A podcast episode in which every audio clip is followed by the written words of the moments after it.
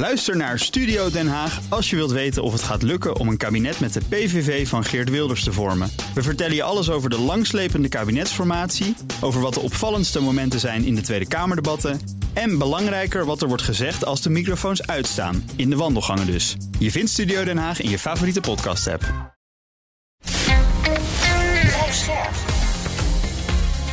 BNR Nieuwsradio. Boekenstein en de Wijk. Hugo Reitsma. Dit is een extra uitzending van Boekenstein en de Wijk in verband met de oorlog in Oekraïne en de crisis met Rusland. Het is donderdag, dag 218 van de invasie. En luisteraar Paul van Tichelen wil jullie de volgende gedachte voorleggen. Hij zegt: Poetin zit in het nauw. Als hij na de referenda de veroverde provincies tot Russisch grondgebied verklaart, dan ontstaat ook de situatie dat hij zijn speciale militaire operatie als voltooid zou kunnen bestempelen. Bereikt hij meerdere doelen, uh, hij heeft een eervolle aftocht, want de provincies komen gezellig bij Rusland. Heim in Schreich. De 300.000 reservisten die zijn er alleen voor grensbewaking. Als die toch moeten vechten, dan kan Poetin daar Zelensky de schuld van geven. In zijn speech, zegt Paul, had Poetin het ook over duizend kilometer grens. Hij vroeg zich ook al af waarom hij dat deed.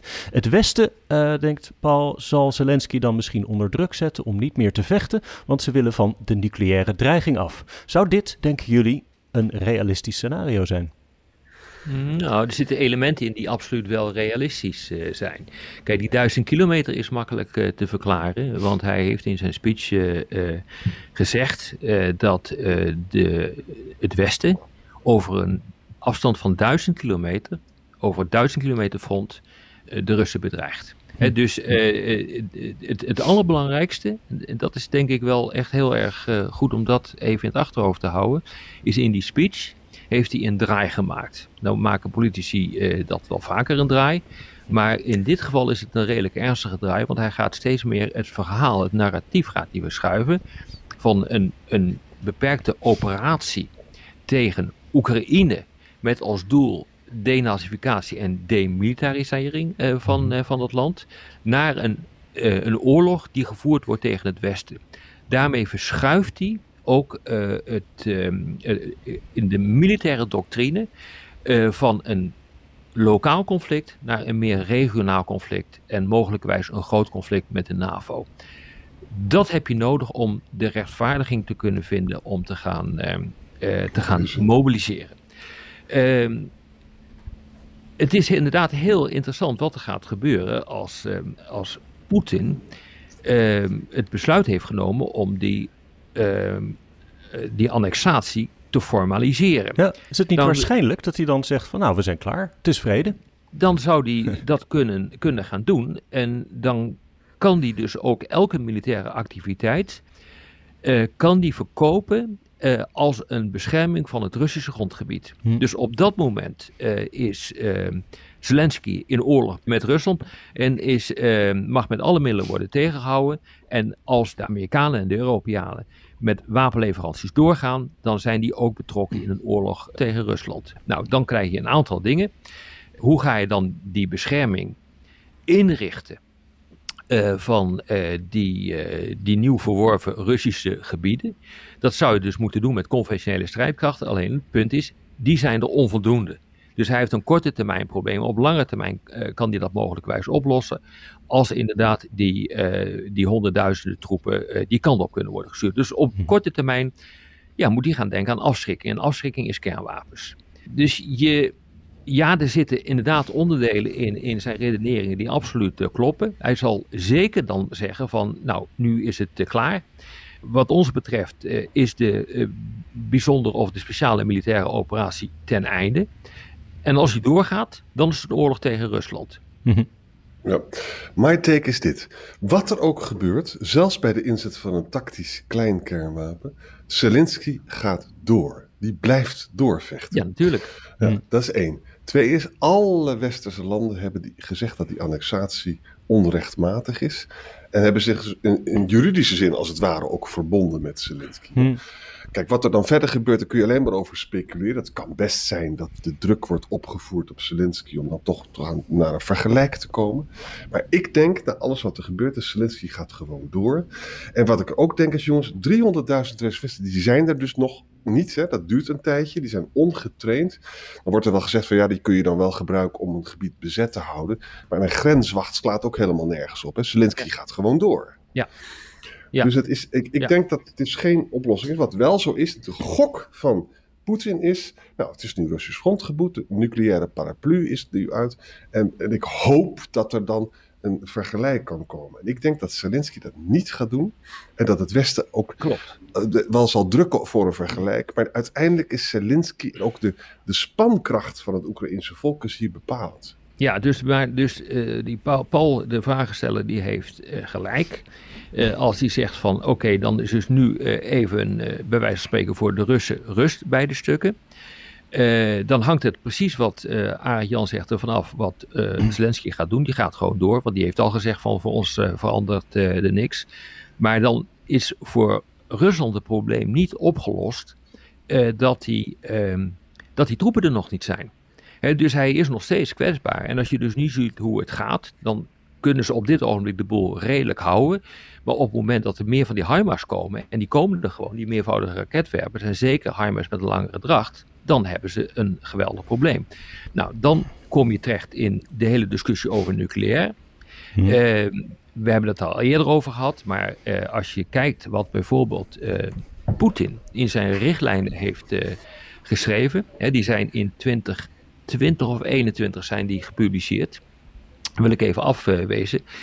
Eh, maar daar zitten, zijn, zitten een aantal punten in die nu van belang worden. Dat is in de eerste plaats punt 4 in zijn richtlijnen escalatie om te deescaleren. Dus Hmm. je zet een kernwapen in om ervoor te zorgen dat daarmee de strijd deescaleert. En dat dat een punt is eh, die je daarmee zet eh, achter de activiteiten van, van Zelensky.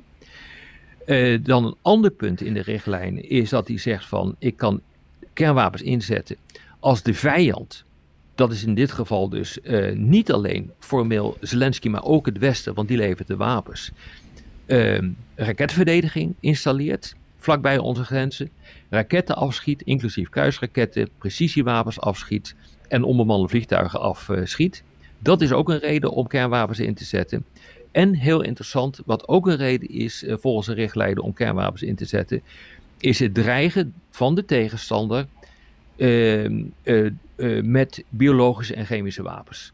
Nou, Ja. en daar zit, een, daar zit een relatie in met de aanhoudende beschuldigingen vanuit, eh, vanuit Moskou dat de Amerikanen gebruik maken van geheime biolabs in Oh, Oekraïne. Dat verhaal. Ja, ja. Ja. Hoe dan ook, jongens, we gaan naar een ongemeen spannend tijdsgevricht. ja, Het is echt onvoorstelbaar spannend nu. En dood en dood. En waarom? Poetin is in de hoek. De mobilisatie is te laat en is ook onvoldoende. Ja. Dus de verleiding om dus te escaleren naar een tactisch kernwapen is gewoon heel groot. Ja. En, en, en en het Westen gaat, gaat inderdaad die HIMARS lange dracht leveren. Ook door het gedonder straks als er blijkt dat Rusland achter die eh, pijpleiding zit. En als er Ja. een datakabel gebeurt. En ook door de nucleaire paraplu. We zitten nu in de fuik. We zitten Nou gewoon ja, nu in de fuik. Kijk, eh, eh, je- hebt wel van die, van die leiders die zeggen van als we dan toch ten onder moeten gaan, dan gaan we samen ten onder. Daar begint het nu een beetje op te lijken. Ja. Dus Ja. dit is ook horizontale escalatie. Dat, ook dat is, een, dat is een, een begrip, ook weer uit de Koude Oorlog, waarbij je probeert om het conflict te verbreden. Hm. Je probeert eh de shit nog groter te maken eh, voor je tegenstander.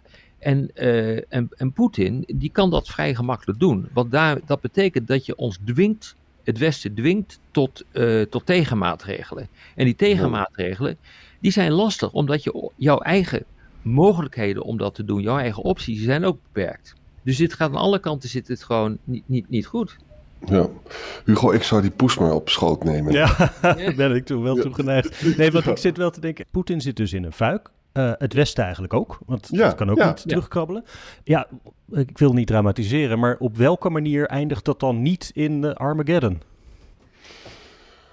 Ja, het Ja. enige, Nou ja, het enige ja. de hoop Ja. dus, de hoop dat, kijk, het kan zo zijn dat Poetin, maar dat lijkt er allemaal helemaal niet op, dat hij op een gegeven moment zegt van, nou ja, die mobilisatie, dat gaat hem inderdaad ook niet worden, en, en dan komt die HIMARS eraan en zo. Weet je, ik ga proberen te onderhandelen. De ellende is dat Zelensky wil niet onderhandelen, en, en het Westen eigenlijk stiekemtjes wel. Dat die optie wordt door Zelensky natuurlijk weggehaald. Dus het gaat gewoon door. Ik zie geen, eh, En of, of, of dan, weet je, dan hopen we dat er, dat er alleen maar een tactisch kernwapen in wordt gezet met een beperkte fallout. En dat het ook niet zo grote militaire significantie heeft. En dat Poetin dan niet verder escaleert. Het zijn allemaal big ifs, hè? Het zijn allemaal big ifs. Ja. Ja, ik weet het ook niet, jongens. Wat weet ik er nou eigenlijk nee, van? Nee, maar dit, is, dit zijn typische situaties nou, van entrapment. je, entrapment betekent dat je, dat je als partij tegen de muur hebt gemanoeuvreerd. Waar je geen opties meer hebt. Ja, en dan is het maar uh, net de, de, vraag wie het eerste buigt. Da daar gaat het gewoon om. He, daar gaat het om. Dit is een, de situatie begint steeds meer te lijken op de Cuba-crisis. Hm. Uh, waarbij uh, de Sovjet-Unie in die tijd raketten wilde plaatsen op, op Cuba. de Amerikanen zei, zeiden van dat gaan we absoluut niet pikken. toen dreigde het een kernwapenoorlog en beide partijen hebben dat voor lief genomen en beide partijen hebben, zijn tot het uiterste gegaan om, om een kernwapenoorlog. Om duidelijk te maken dat ze een kernwapenoorlog best wilden gaan voeren. Maar hm. uiteindelijk zijn ze teruggeschrokken voor het, uh, ja. Ja, voor het, voor het gevolg daarvan. En hebben ze water bij de wijn uh, gebracht, uh, gedaan. En wat er toen is gebeurd, daarna kwam er een vorm van ontspanning tussen Oost en West. Na de Cuba-crisis. Ik zie nog één lichtpuntje. China uh, is absoluut tegen nucleaire grappenmakerij. En China heeft uh, last ook van die graanexport. Die, die, die, gaat nu wel weer een beetje lopen, maar het is nog veel te weinig. Het is nog veel te weinig. En China heeft met de landbouw gaat het niet goed. Dus die heeft twee grote motieven om toch druk op Rusland uit te oefenen. Mm. India is daar misschien ook toe bereid. India koopt veel uh, olie hè, bij. ja, maar ik, ja. ik denk dat dat. Ik, ik heb hem vaker gehoord, die redeneren, maar ik geloof er niet in. En de reden is dat uh, Poetin niet onderuit mag gaan in Oekraïne. Hmm. Want dat kost hem letterlijk of figuurlijk de, ko de kop. Ja. Hij mag wel onderuit gaan uh, ten opzichte van China of India, want hmm. dat is wat te repareren. Maar Oekraïne is niet te repareren voor hem. En weet je wat het ook zo ellendig maakt? Is? Er is ook nog een scenario denkbaar. Nou, hij gooit dus dit tactische kernwapen op het slagveld. En wij worden allemaal zo bang. En Zelensky ook. En dat we dus toch gaan onderhandelen. Als je dat toestaat, dan kan dus elke staat in deze boze wereld beseft dan, nou ja, als je een kernwapen hebt, dan kan je hmm. gewoon irredentisme, dan kan je gewoon een stukje land pakken. Nou, dat is het hele idee van escaleren om te deescaleren. Ja. wat een essentieel onderdeel is van het Russische denken. Nee, maar ik bedoel ook te zeggen van dan kan Iran ook een stukje land pakken. Of, nee, noem maar een ander dan, land. Dan gaan zij dat ook doen. Ja. Ja. ja. En, dat is natuurlijk, en dat is ook een, een enorme overweging aan Amerika. Die, die, hoor je in Europa niet zo, maar in Amerika denken over dat soort dingen heel goed na. Ja. Dus, dus aan alle kanten, het is, het is een veld vol met dilemma's. Nou ja, wat je, er zijn niet zo gek veel uh, mogelijkheden meer. He, dus uh, je kan, als dit allemaal gaat gebeuren zoals we dat nu beschrijven, uh, dus annexatie, mogelijke dreiging van kernwapens, of ze dat nou wel of niet gaan doen. Maar de Amerikanen hebben ook niet meer zoveel opties. die kunnen dan zeggen van, oké, okay, je krijgt nu Oekraïne toch een systeem met langere dracht. Dus ik ben ervan overtuigd dat dan het Army Tactical Missile System wordt, wordt geleverd, met een, waarmee je echt ook Russisch grondgebied kan, kan bereiken. En ik denk dat Biden dan tegen Zelensky zegt, uh, doe maar.